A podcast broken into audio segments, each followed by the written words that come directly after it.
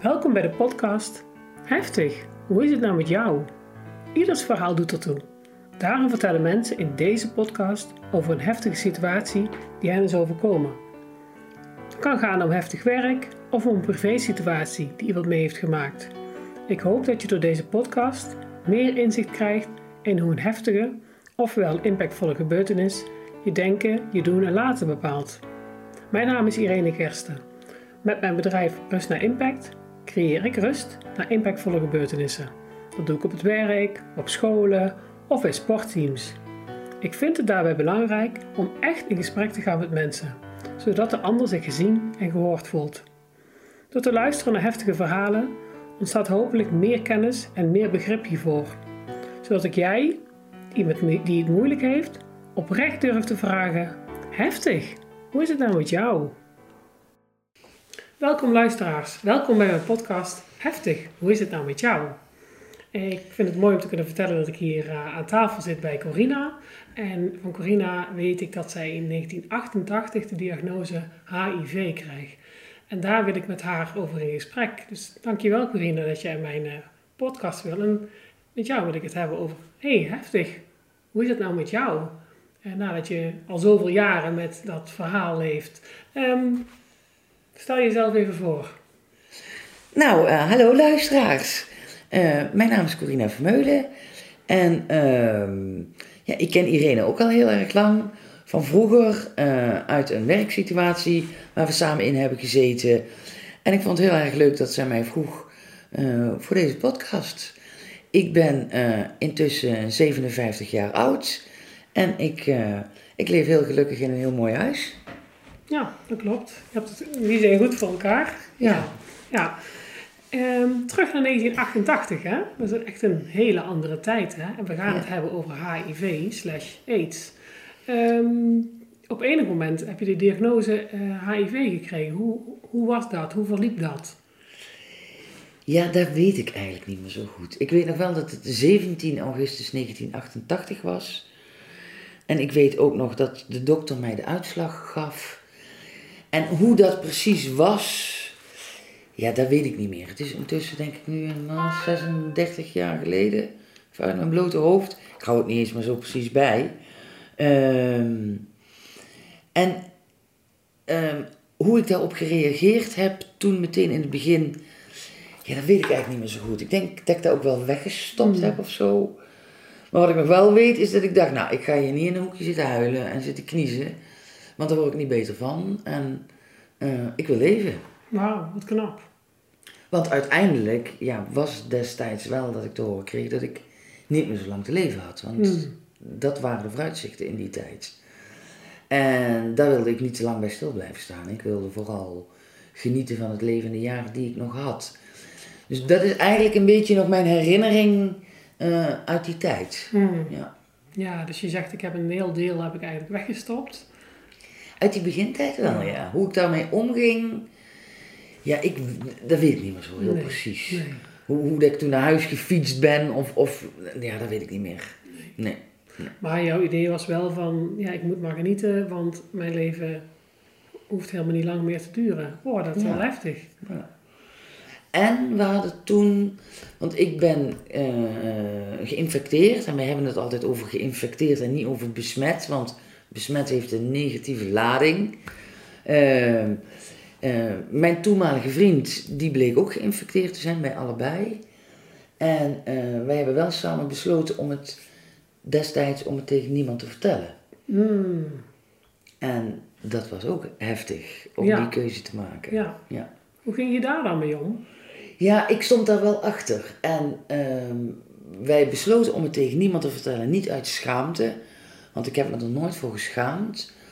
Maar wel, um, ja, wat moet je? Ik ben 23 jaar, want ik was toen 23. We zijn, we voelen ons gezond. Ik bedoel, we hebben wel een virus in ons lijf, mhm. maar we voelen ons gezond. En dan moet ik tegen mijn naasten, en dan heb ik het over mijn ouders en mijn familie en vrienden van heel dichtbij, gaan vertellen dat ik een ziekte onder de leden heb, waar ik op korte termijn aan ga overlijden, terwijl ik me nog heel gezond voel. Dus wij hadden bedacht samen, weet je wat we doen? we gaan het pas vertellen op het moment dat we ziekteverschijnselen beginnen te krijgen. Oh. Dat is een mooie tijd om het te gaan vertellen. En al die andere tijd laten we gewoon genieten van het leven. Want anders gaan mensen zich allemaal druk maken. En ik had ook geen zin in allerlei medelijden van Mhm. mensen. En ik had geen zin in een stempel op te krijgen. Dus wij hadden het, vonden het alle twee een heel goed plan om te wachten met vertellen tot we ziek zouden worden. Dat was Ja. eigenlijk het idee. En je geeft ook aan, vertellen aan de omgeving vind ik moeilijk. Vertellen aan je ouders zou je heel moeilijk vinden. Ja, nou, en misschien nog niet eens zo moeilijk om te vertellen dat ik ga overlijden, maar wel terwijl ik nog geen klachten heb. Hmm. Dan denk ik, ja, ik ben 23, moet ik gaan zeggen, ja, ik ga binnenkort dood, maar ja, er is nou eigenlijk nog niks aan de hand, dus eh, ja, eh, neem het niet kwalijk als ik dus nog gewoon ga feesten en zo. eh. want dan gaan mensen zeggen, ja, maar dat ga je toch niet doen en je gaat nou toch gezond leven. Dus ik denk, nou, iedere keer als ik dan een glas wijn drink, dan zit iedereen mijn nek te hijgen, dat moet je niet doen, want dat is niet gezond. Ja, want jij koos juist voor echt leven. Zolang Ja, ik wilde echt leven. kon. Ja, ja. Wat wist je van eh, HIV slash AIDS in die tijd? Niks. Niks. Nou ja, nee, weinig. Ik, ik weet nog, de eerste keer volgens mij dat ik erover hoorde was toen Rock Hudson, dat was toen een acteur, die ging dood aan AIDS. En toen kwam er een beetje reclame wel eens op tv, iets met bloemetjes en bijtjes en dat je veilig moest vrijen. Maar ja, het was in die tijd een ziekte die onder homo's rondging. En daar lag ook de campagne op en het ging ook over veel wisselende contacten. Dus ja, het was een ver van mijn bedshow. Hmm. Ik wist eigenlijk helemaal niet precies wat het nou eigenlijk inhield. Nou, je past helemaal niet in het clichébeeld, hè? Je bent sowieso bij nee, vrouw. nee, Ja. en destijds al helemaal niet. Ja. Dus ehm, ja, ik wist er ook eigenlijk helemaal niet zoveel van. En ehm, ik heb me daarna ook niet echt heel erg geïnformeerd over wat het nou allemaal wel precies was. In hoofdlijnen. Hè, mijn, mijn arts heeft me wel dingen uitgelegd. Maar ik ben nooit op zoek gegaan in boeken of ehm, destijds nog een encyclopedie, de Winkeler Prins. Ehm, wat het nou was, hè. internet was er nog niet. Ik denk, ja, ik kan er wel allemaal boeken over gaan lezen, maar daar word ik toch niet beter van. Mhm. En ehm dat zou me in een, ik was bang dat het me dat in een mineurstemming zou Mhm. brengen. Ehm, destijds werd eh, ook voorgesteld om naar een eh lotgenotenbijeenkomsten te gaan. Dat wilde ik ook niet. Eh, ik had ook het stereotype beeld. Nou, daar zitten alleen maar homo's en drugsverslaafden, Mhm. want daar waren de mensen die het konden krijgen. Dus ik denk, nou, daar pas ik helemaal niet bij. Als gezonde Brabantse vrouw van 23.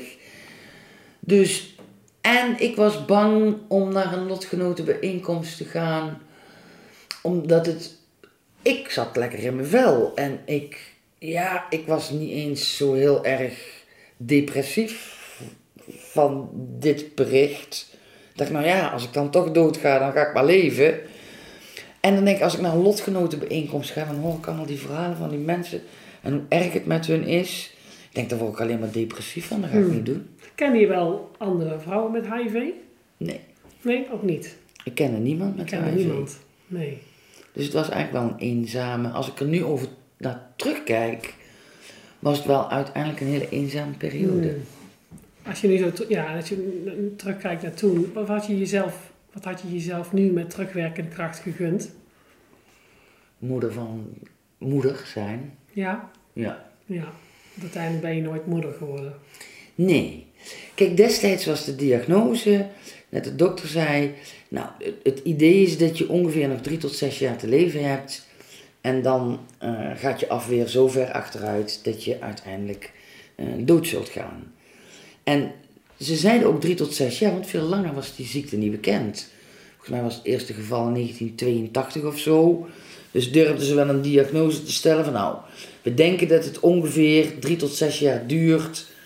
Nou, bij sommige mensen was het al na een half jaar, maar er waren ook al mensen bekend die al zes jaar HIV hadden en nog steeds leefden. Dus dat was een beetje de diagnose. En je had natuurlijk het risico dat je het over zou dragen op je ongeboren kind. Hmm.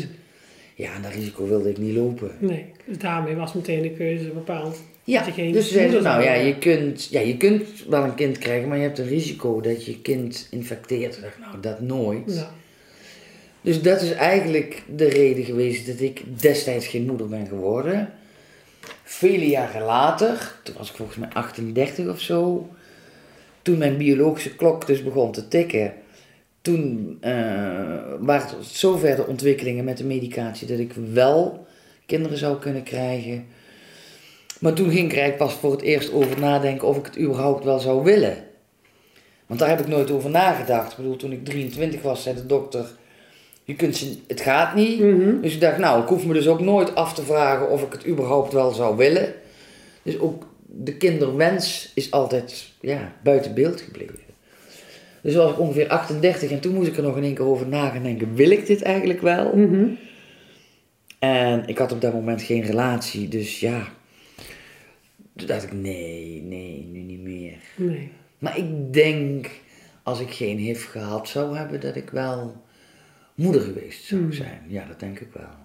Ja. Ja, dan zijn de gevolgen wel heel groot. Ja, Ja. ja, uiteindelijk wel. Maar ik maak uit jouw verhaal ook op dat die relatie van toen niet is gebleven. Eh, nee, die is niet gebleven. Nee. Uiteindelijk ehm, hadden we andere ideeën hoe we de laatste jaren van ons leven in zouden willen vullen. Ehm, en ik wilde eigenlijk wel gewoon heel normaal in de maatschappij blijven functioneren. En mijn toenmalige vriend, die wilde heel graag, ehm, nou ja, die is altijd ehm, een beetje vrijzinnig kunstenaar geweest. En die dacht, nou ja, dit is mijn kans in de laatste jaren van mijn leven om niet meer in een keurslijf en ergens in een dienstbetrekking te leven. En eh, ik ga nou mijn roeping volgen Mm. om eh, ja, kunstenaar te worden. Mhm. En dat heeft hij gedaan. En Ja. ik geef hem daar groot gelijk in. Dus ja, onze visie over ehm, hoe we die laatste jaren van ons leven in zouden vullen, die lag zo ver uit Ja. elkaar dat we op een gegeven moment hebben besloten, nou laten we dan maar uit elkaar gaan. Ehm, jij zit tegenover mij als blakende, gezonde vrouw. Mhm. Ehm, hoe is het hem vergaan? Nou, ik heb niet zo heel veel contact meer met hem. Hij is er nog. Ja, ja, ja. En eh, hij is nog steeds een eh, vrijzinnig kunstenaar. En eh, hij maakt prachtige kunstwerken. En ehm, ja, hij leeft ook gezond. Hmm. Of in ieder geval, hij is nog steeds eh, gezond. Is dat uniek dat jullie in de jaren tachtig allebei geïnfecteerd zijn geraakt en allebei nog Ja. Later, later heb ik dus natuurlijk nog eh, via eh, het AIDS-fonds en via allerlei dingen in vrijwilligerswerk wat ik gedaan heb voor de HIV-vereniging, heb ik meer mensen ontmoet, veteranen heten die tegenwoordig, die in de jaren tachtig geïnfecteerd zijn Hmm. en ehm, gezond zijn gebleven tot de tijd dat er eh, medicijnen waren. Oh, oké. oké. Ehm, ja, want dat is, uiteindelijk is er, is er een medicijn gekomen. Heel bijzonder. En je vertelt ook eh, dat je het besluit had genomen toen met hem om het voor jullie zelf te houden. Ja. Maar op enig moment ben je helemaal de andere kant op gegaan. Ja. En ben je daar heel open in Ja. geworden. Hoe, hoe, hoe verliep dat stuk? Nou, ehm, wij zijn dus uit elkaar gegaan en, ehm, ja, en toen begon eigenlijk pas mijn probleem te komen. Want toen kwam ik een leuke jongen tegen en dan moest ik zeggen dat ik HIV heb. Ja, daar vraag ik me dan ook af. Hoe doe je dat? Ja, dat heb ik op allerlei manieren gedaan. Ik heb wel eens ooit gezegd eh, in een café na één glaasje bier. Eh, ik heb het wel eens gezegd na twee dineetjes. Ehm, maar ik vond het wel altijd mijn verantwoording om het te zeggen voordat ik seks met iemand Mhm. heb. Ehm, want ik vind dat iemand dan de keuze ma- moet maken of die wel of niet met mij eh, het bed wil delen. Ja, ja. En, eh, ja, en dan op enig moment kwam het hoge woord eruit. En dan zeiden ze allemaal, ja, ik vind je hartstikke lief en hartstikke aardig. Maar ehm, ja, sorry, ik wil geen relatie met jou. Hmm. Ja, dan wilden ze wel allemaal vrienden blijven. Maar dan denk ik, ja, dan denk ik, daar ik hier op een huis vol vrienden zit, dan heb ik nog geen seks. Ja, ja, ja. Dus ehm, ja, in het begin dacht ik van, nou ja, dan blijf ik wel bevriend met jou. Maar ja, dat was ook pijnlijk, want dan denk ik, ja, ik vind die man hartstikke leuk. En ik, mag hier gezellig koffie komen drinken, maar ja, verder komt het niet. Dus Mhm. ja, daar ben ik op een gegeven moment mee gestopt. Je leert dat ook wel. En, maar die klappen, ehm, om niet geaccepteerd te worden, niet omdat je niet leuk bent, maar omdat je een aandoening hebt. Ja, die, dat heeft me veel pijn gedaan. Als ik nou terugdenk, heb ik daar misschien nog meer verdriet van gehad.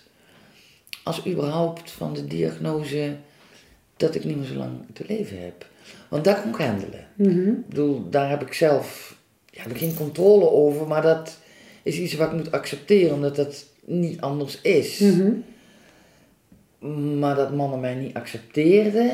En als daar dan nog een stukje verliefdheid bij komt Mhm. kijken. Ja, daar heb ik volgens mij nog meer tranen om gelaten als ik erop terugdenk. Als over de diagnose. Ja. Ja. Later niet meer. Ik bedoel, ook daar heb ik mee om leren gaan. Hè.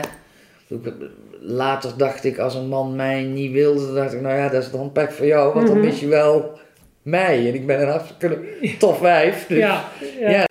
Maar uiteindelijk even terugkomt op jouw vraag van, ja, wanneer was die omslag nou dat je er wel over kon praten? Ja, eigenlijk, weet je, door mijn geheim kreeg ik ook leugens. Hmm. Weet je, dan vroegen mensen van, ja, je hebt nog steeds geen vriendje. En je had vorige week een date met, zeg maar, Piet. Ja. En dan zeg ik, ja, maar Piet was eigenlijk helemaal niet zo leuk. Terwijl ik de avond van tevoren had liggen huilen dat Piet mij niet wilde. Hmm. En ja, vooral mijn ouders ook. van, Ja, je, moet een beetje sparen. Je maakt al je geld op. En dan dacht ik, ja, ik heb helemaal geen zin om... om weet je, ik, ik, ik wilde gewoon de waarheid vertellen. Mhm. En ik ging allemaal leugentjes vertellen waarom ik ja, inderdaad niet spaarde. Waarom ik geen vriendje had. Waarom, nou ja, allerlei andere dingen. En toen dacht ik, ja, ik wil gewoon de waarheid vertellen. ja, dus leven met een Ik- groot geheim. Nee, dat is echt niet fijn. Nee. En, en zeker niet tegen mensen die jou dierbaar zijn. Dus toen had ik zoiets van, nou, ik wil gewoon gaan vertellen wat de reden is waarom ik leef zoals ik leef. Wie ging je het als eerste vertellen? Aan wie? Ja, Aan mijn ouders. ja. Hoe Ja, want dat? ik had zoiets van, ja, als die het nou via via zouden moeten horen. Nou, ik denk, dat lijkt me wel zo vervelend. Nou ja, dat was echt heel moeilijk, want wanneer doe je dat dan? Hmm. Wanneer doe je dat dan? Nou, ik stelde dat maar steeds uit en uit. En toen op een gegeven moment dacht ik, nou ja, toen ben ik daar gaan eten. En toen ik, nou dan vertel ik het tijdens de soep. Nee, nou toen tijdens de aardappelen. Nee, ik denk, nou dan tijdens het toetje. Dat is ook niet Nou, goed ik denk, ja, nou, oh. Ja, nou, het is echt heel moeilijk om het over je lippen te krijgen. Om tegen je ouders te vertellen, ik ga binnenkort overlijden. Want dat was eigenlijk de boodschap nog Hmm. in die tijd. Hmm. En dat was ongeveer een jaar of zes, denk ik, na de diagnose. Dus zes jaar lang heb je Ja, met het heb geheim ik een- rondgelopen. heb ik het geheim Een tijd samen met je vriend toen. Ja, even denken, wij zijn, ik denk een jaar of twee na de diagnose uit elkaar gegaan. En ik denk dat ik toen nog vier jaar zo gestruggeld heb met vriendjes en bla bla bla. En toen in 1994 of zo ben ik het eigenlijk gaan vertellen aan mijn ouders. En eerst mijn ouders en toen mijn beste vriendin. En toen weer iets, iets die, werd, die, die kring werd groter. En toen vond ik ook dat ik het op mijn werk moest vertellen. En ja, op een gegeven moment kwam het moment dat ik het van de daken af wilde schreeuwen. Dus toen ben ik ook, eh, heb ik een TED-talk gedaan. In de Libelle heb ik een interview gedaan. Ik heb een keer een interview voor de Telegraaf gedaan, voor de Trouwkrant. Toen ben ik ook vrijwilligerswerk gaan doen voor de HIV-vereniging. En ehm, ja, heel veel dingen. En nu jouw podcast. Ja, ja, ja, leuk. Ja. Ja. fijn dat je er mij over wil vertellen. Ja. Hoe, hoe, hoe was het dan uiteindelijk voor je ouders om dat te horen? Hoe reageerden ze daarop? Ja, weet je, ik ben in een gezin opgegroeid waar eigenlijk niet zoveel gepraat werd. Dus ja, ze vond het heel erg voor mij, maar ehm, ja. Eh, ik zei tegen hun, nou jullie mogen het ook wel tegen iemand anders vertellen als je dat graag zou willen. Nee, nee, nee, nee, nee, nee. Zij wilde het ook wel graag eigenlijk binnenskamers Mhm. houden. En, eh, maar om andere reden als mij, dan zit er toch, ook een andere generatie, zit wel een beetje schaamte in. En zo mijn moeder, ik weet nog dat mijn moeder zei, ja maar dat hoeft niemand te weten. Ja maar jij mag het toch ook wel delen met jouw beste vriendin? Nee, nee, nee, nee, die hoeft hij niet te Dat weten. was de schaamte. Ja, ik denk het wel. Ik zei tegen mijn moeder, ik zei, waar ben je dan bang voor? Ja, dat is aan mij vragen hoe dat je het, waar dat je het hebt opgelopen. Hmm. En dat is heel de issue nog steeds rondom het stigma, rondom het taboe. Ik bedoel, uiteindelijk is het een SOA, het is een seksueel overdraagbare aandoening. Zonder Mhm. seks kun je geen HIV oplopen. Mhm. En in die tijd was ook nog vooral de preventie. eh, ja, als je veel wisselende contacten hebt. Dus konden mensen de conclusie trekken: als je HIV hebt, zul je ook wel veel wisselende contacten hebben gehad. Nou, in mijn geval was het eigenlijk mijn eerste echte serieuze relatie die ik had. Ehm, ja, ik heb daarvoor natuurlijk wel eens gedate. En, maar ja, en, en ik weet nog dat mijn moeder zei: ja, als je het van een bloedtransfusie had, dan was het toch anders. Was het voor haar ook makkelijker om te vertellen. Ja, Ja, het heeft alles met seksualiteit te maken. Ja. En dat, dat maakt ook dat er een taboe op ligt. ja. Kijk, als mensen een andere SOA op hebben gelopen, vertel je ook niet zo makkelijk Nee, tegen een ander, want andere mensen hebben daar uiteindelijk niks mee te maken. nee, nee, het is nogal privé, hè? Ja, en ik zie nu nog steeds bij mensen die een diagnose krijgen, hè, als je nu de diagnose krijgt, krijg je echt niet meer dat doodsvonnis, maar dat het nog steeds verschrikkelijk is om het te horen vanwege het stigma en het Mm. taboe. Ja, dus je En dat vind ik triest. Ja, Nog ja. steeds, anno Ja. 2022. Ja. Ja. Je hoort er eh, stuk minder over. Hè? In de jaren 80 kwam het heel lang op, jaren 90. Ja, en ik denk ook, weet je, het is nu, eh, destijds was het een, een aandoening waar je aan, aan dood zou gaan. En nu is het een chronische ziekte. Hmm. Maar ondanks dat het een chronische ziekte is, is het nog steeds een taboe. Ja. Ja. ja, wat je ook zegt van ehm, hoe heb je het opgelopen? Ehm, mensen in het algemeenheid willen graag iets horen wat ver van hun vandaan staat.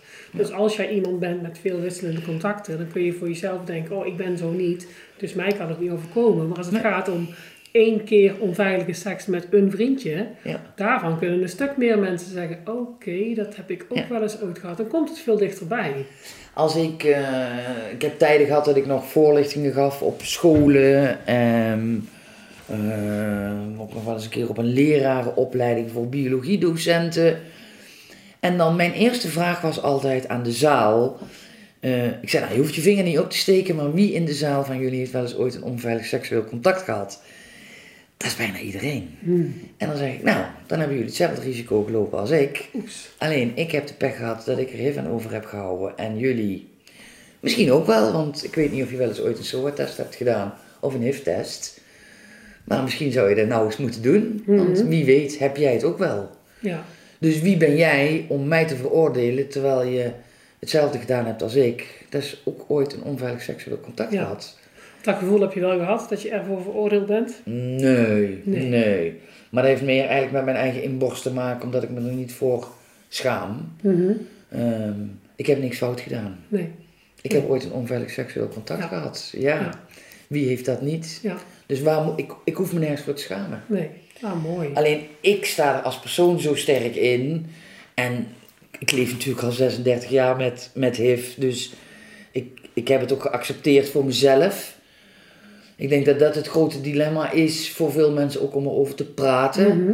Accepteer eerst eens voor jezelf dat je het hebt. En dat, jou geen, dat je daar niet zelf schuldig aan bent. Je treft jou geen blaam. En ehm, Dat is ook gelijk een boodschap in voor anderen, hè? ja, Ja. kijk, en natuurlijk is de boodschap vrij veilig of vrij niet. Ja. Dat is nog steeds. Maar ik denk dat alle luisteraars ook wel weten dat veilig vrijen niet altijd even leuk is om te doen. En dat je in een bui waarin je samen elkaar aan het opwinden bent, eh, niet aan een condoom denkt. Ja. Ja. Ik denk dat dat nog steeds heel vaak... En dat is nu, anno 2022, met alle voorlichtingen. En iedereen weet dat ze een risico lopen Mhm. op een SOA. En toch vrij mensen onveilig. Ja. Ja, Ja. dat gebeurt. Ja. Kennis hebben. Ik kon me wel eens boos maken destijds over het feit dat ik zei dat ik HIV heb. Dat mensen niet met mij naar bed willen. Dat snap ik. Maar een week later ontmoeten ze een andere vrouw en die zegt niks over hun HIV-status. Of vrouwen die een man ontmoeten, nou ja, doet er net niet om. En daar hebben ze wel een seksueel contact Mhm. mee. Terwijl ze daar Het helemaal niet van weten. niet van weten, dus net zoveel risico Ja. lopen. Ja. Ja, ja. ja. Hoe is het jou vergaan qua, uh, uh, want ik heb begrepen dat er eerst medicatie was en dat dat nu eigenlijk helemaal geen medicijnen meer hoeft te zijn. Vertel eens hoe dat, hoe dat gaat. Want ik heb iets van 21 pillen per dag naar misschien nu helemaal pillenvrij. Ja, nou in het begin, 97 ben ik begonnen met medicatie. Dat was best wel heftige medicatie met veel risico op bijwerkingen. Ik moet eerlijk zeggen, ik heb nauwelijks bijwerkingen gehad, maar je kon wel heel ernstige bijwerkingen krijgen. Bijvoorbeeld uh, dat al je onderhuidsvet verdwijnt. Dat heet lipodistrofie voor mensen die dat nog eens op willen zoeken.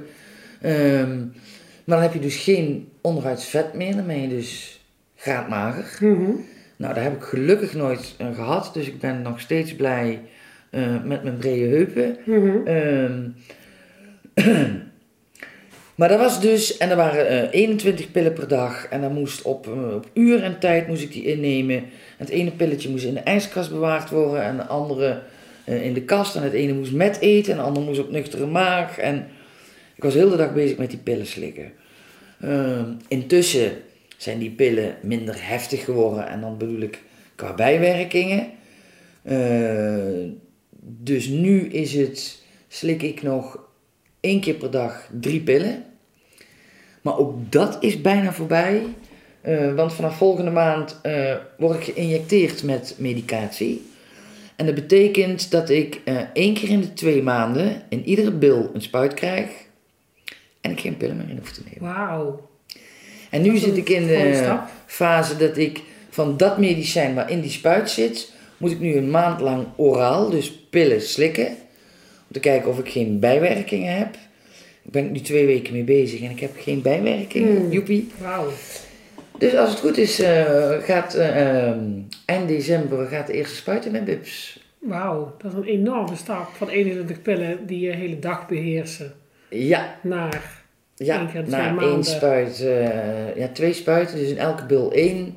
Schijnt wel pijnlijk te zijn, maar één keer in de twee maanden een dag pijn aan mijn bips. Mm vind ik minder erg als uh, elke dag medicijnen innemen. In, ja, want het beheerst je leven zo. Ja, en, en um, alle vrouwen die luisteren en die de pil moeten slikken, weten ook dat uh, is maar één heel klein pilletje, maar dat je die niet mag vergeten, want anders loop je het risico dat je zwanger wordt. Ik heb het ook wel ooit. Dan lig ik in bed en denk, ah, mijn pillen vergeten. Mm. En dan moet ik er weer uit en ook die pillen weer innemen. En ja, het staat me gewoon tegen en ik ben een beetje rebels, omdat het een moed is. En weet je, ik denk als je medicijnen moet nemen en als je ze niet inneemt, dat je dan misselijk wordt of ziek of buikpijn krijgt als je je medicijnen niet inneemt. Maar ik merk er niks van. Maar ik moet ze in blijven nemen, want anders kan het virus in mijn lichaam weer gaan groeien. Um, dus ja, oh, ik ben zo blij dat ik er bijna vanaf ja. Fantastisch. Ja. ja. Ehm, hoe zit het nou met je levensverwachting? Is die helemaal... Ja, ja, ja, ja, ja. Nu kun je gezond oud worden met HIV. Ja, je moet dan wel medicijnen innemen of een spuiten dadelijk. Hè. Dat is nou echt de laatste ontwikkeling. Dan kun je gezond oud worden met HIV. Je kunt een gezond kind krijgen, ondanks dat je HIV hebt. Oh, echt werkelijk? Wauw. En, uh, en wat voor mij nog het aller, aller, allerbelangrijkste is, is ik kan heeft niet meer overdragen. Oh, oké. Dus ik kan eindelijk vrijen zonder condoom. Oké. Okay. Joepie. Ja, en ook dat je dus gewoon een relatie aan kunt gaan. Want ik weet dat je een relatie hebt. Ja. En dat je een normale relatie kunt hebben waar seks een onderdeel van is. Ja, ja, ja. Dus, uh, nou ja, en mijn vriend uh, heeft geen enkel probleem met mijn status. Dus, uh, en die is ook helemaal niet bang dat ik het aan hem overdraag. Uh, want ja, hij kan het überhaupt ook niet eens van mij krijgen. Dus nee. um, ja, daar ben ik echt, uh, ik ben super gelukkig. Ja, wauw. En hoe lang is dat al? Dat dat mm, niet Nou, dat weet ik is? niet zo heel precies. Dat is ooit begonnen als het Zwitserse standpunt heette dat. Er waren Zwitserse artsen, dat was een theorie. Die zeiden, nou ja, weet je, als je met die medicijnen kunnen we het virus niet meer aantonen in het bloed. Dus betekent dat je niet detecteerbaar bent. Dus zou je het ook niet meer over kunnen dragen. Nou, dat was een theorie van Zwitserse artsen. En die is ja, steeds meer bevestigd met onderzoeken. En nu wordt het gewoon uh, door alle internisten uitgedragen dat als je op tijd je medicijnen slikt, je een, dat is nog steeds een vaste relatie hebt. eh, dus niet veel wisselende contacten, zeggen ze dan. En je virus is, zo heet dat, niet detecteerbaar. Dus dat het niet meer daadwerkelijk in je bloed wordt aangetroffen. Tenminste, in een heel, heel, heel, heel laag percentage. Dan zeggen ze, dan kun je HIV ook niet meer overdragen. En eh, nou ja, dat wordt gesteund door alle artsen. En dat is wereldwijd. En de campagne is ook eh, NSN, niet detecteerbaar, is niet overdraagbaar. Oké. Dus dat is. ehm, En volgens mij is dat sinds een jaar of acht. En als er artsen luisteren, en ik heb niet het goede jaartal, sorry daarvoor, maar zoiets. Volgens Mhm. mij door acht of acht jaar ongeveer. Mhm. God, wat een hele reis wat je dan zo af hebt gelegd van, eh, in, die, in die 36 jaar. Van, Ja. Ja. En hoe bijzonder het is. Hè? Ik bedoel, uiteindelijk is het nog een jonge ziekte. Dat ze in 40 jaar tijd, hè, want volgens mij waren de eerste diagnoses destijds in Amerika, volgens mij was 1982. In 40 jaar van een dodelijke aandoening naar een chronische ziekte, die nog niet te genezen is, maar wel heel goed te behandelen is. mhm. Dus ja, Ja. ik vind het heel, heel bijzonder. In Europa, In de hele wereld. in de hele wereld. Hoe zit het dan bijvoorbeeld in Afrikaanse landen? Weet je daar wat van? Ja, eh, als mensen daar de toegang krijgen tot medicatie en ook gedisciplineerd elke dag hun medicatie krijgen, is het daar in principe het- Ja. is daar hetzelfde. Alleen als jij ergens in, een, in de woestijn in Afrika woont of in een of ander bergdorpje in Zuid-Amerika, eh, waar de taboe nog veel groter is. En waar de artsen niet zo ver ontwikkeld zijn of waar onvoldoende eh, middelen zijn om aan goede medicatie te komen, ja, daar zullen nog steeds Hmm. mensen overlijden. En dat zal Ja. ook veel aandacht blijven vragen. Ja, Qua voorlichting en qua ja, kosten. Ja. Kijk, zolang als de katholieke kerk nog zegt dat je ehm, niet mag vrijen met een condoom. Mensen zijn heel katholiek opgevoed, vrijen dus niet met een condoom. Ja. Ja, dan blijft het even overdraagbaar. Als drugsverslaafden in Rusland nog geen posten zijn waar ze hun spuiten kunnen wisselen voor schone spuiten, waar geen reclame mag gemaakt mag worden voor condoomgebruik, ja, dan blijft die ziekte daar wel rondwaren. Ja. Landen waar heel veel stigma is. Landen waar heel veel stigma is, Ja. landen waar homoseksualiteit, waar de doodstraf nog op staat. Ja, daar, daar is ook geen campagne over veilig vrijen, want daar bestaat eh, eh, eh, seks tussen mensen van hetzelfde geslacht niet. Nee. nee dus kun je ook geen voorlichting geven en als je daar klachten hebt kun je niet eens naar een dokter. Dus ja, in West-Europa en in Amerika zijn we natuurlijk wel wat dat betreft bevoorrecht. Mhm. Ja. Nog even over dat je er zo mee naar buiten bent getreden. Mhm. Dat je het podium op, op bent gegaan, dat je in de krant hebt gestaan. Wat heeft je dat gebracht om daar zo op- open over te worden? Nou, in die tijd had ik heel erg de behoefte om het van de daak af te schreeuwen. Hè. Ik wilde een voorvechter zijn tegen dat stigma en tegen dat taboe. Ehm, ik heb ook eh, ehm, workshops nog georganiseerd voor mensen die net de diagnose hadden gehad. Het was een workshop van zes avonden. Van, ja, hoe ga je nou om met die diagnose? Hè? Er zaten allerlei onderwerpen in, als praten over je HIV. ehm, eh, praktische zaken van wat kun je allemaal zoeken, hoe kun je je financiën, eh, verzekeringen, hoe dat soort dingen geregeld kunnen worden. We probeerden die mensen wat zelfredzaam te maken. En ik dacht ehm, dat ik het heel erg voor mezelf had geaccepteerd. Mhm. Maar door het podium te zoeken en door mensen te begeleiden met HIV, heeft het mezelf nog krachtiger gemaakt en nog meer zelfacceptatie gegeven. Dus ja, dat, ondanks dat heeft het me ook nog heel veel gebracht. Dus ik heb het eigenlijk gedaan voor, de, voor een ander, Mhm. maar het heeft ook mezelf nog wel veel gebracht in acceptatie en nog meer in mijn kracht komen. Ja. Mm, mooi, mooi dat je dat zo zegt. Ben je door het hele verhaal ook mensen verloren? Mensen die op afstand kwamen te staan? Nee, Nooit. En daar probeer ik andere mensen ook mee te geven. En ik heb het niet meegemaakt. Ja, mannen tegen wie ik vertelde dat ik heeft wat die mij niet wilden. Ja. Maar mensen die dicht bij mij staan, nee, nooit. En voor mij is het ook veel moeilijk voor te stellen, mensen die van je houden of op een andere manier om je geven, dat die jou niet accepteren omdat je HIV hebt. Mhm. Maar ik heb ook wel verhalen gehoord van mensen die ik begeleid heb, die dit wel hebben Mhm. meegemaakt. Eh, die daardoor vrienden en kennissen verloren zijn. Mhm. En ik denk aan de ene kant vanwege het stigma. Maar er zijn ook nog steeds mensen die nu nog steeds die bang zijn dat ze het van jou krijgen. Kijk, vroeger moesten we. Vroeger moesten er campagnes komen dat je het niet kon krijgen van zoenen en knuffelen en van de wc-bril. Mhm. Maar er zijn nog steeds mensen die dat moeilijk vinden. Ik heb eens een schoonmoeder gehad. En later heb ik dat pas teruggehoord. Is dat als ik bij haar op bezoek was geweest, dat ze het hele huis van boven naar beneden ging poetsen. Oh, pijnlijk. En ze heeft het nooit tegen mij gezegd. Nee. En ik, ik, ja, dat is zo lang geleden. Ik weet dus eigenlijk ook niet meer als ik daar kwam of zij mij ooit gezoend heeft. Dat weet ik niet meer. Maar ik heb later dat gehoord. Mhm. Dus ja, er zijn nog steeds kennelijk mensen die. Nou ja, en ik snap het wel, weet je wel, wat je niet weet.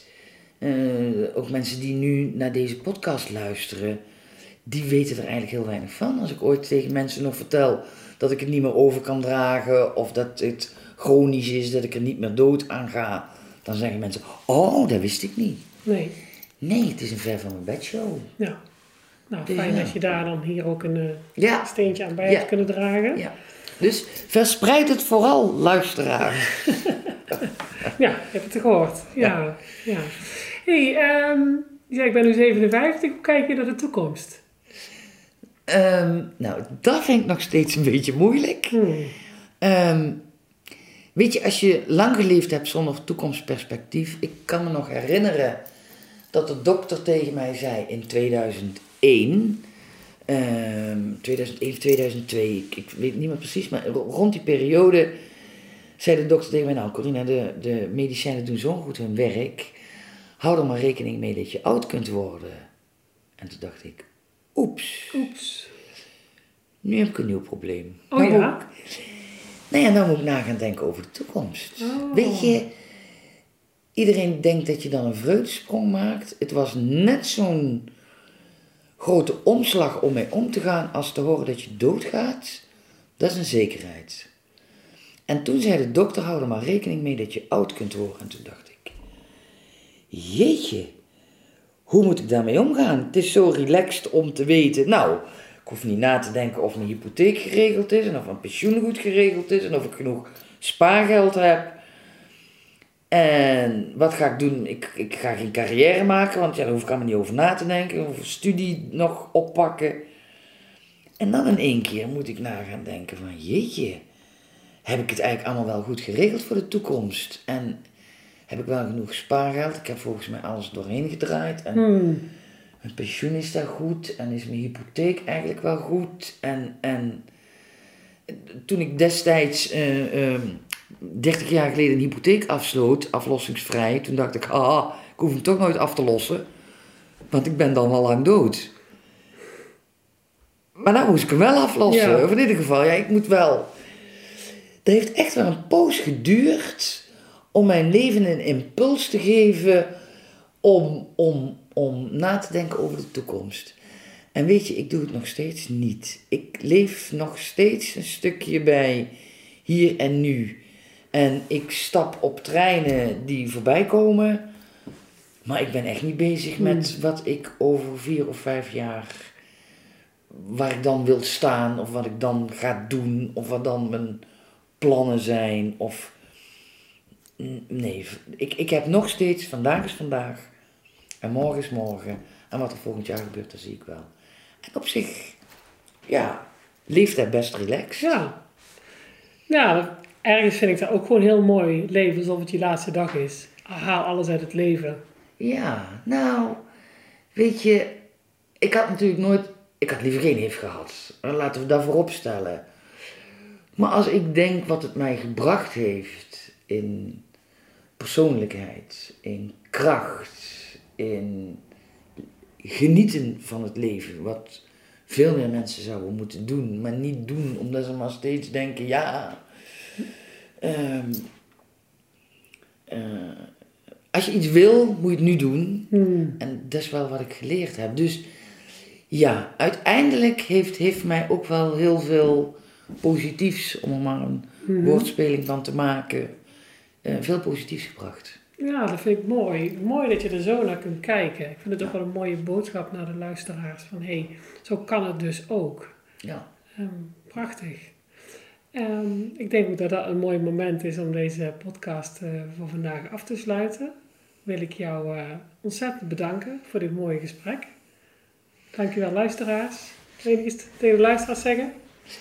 Nou, bedankt voor het luisteren en als jullie een piepkleine bijdrage kunnen leveren aan het verminderen van het taboe en het stigma, ehm dank je wel daarvoor.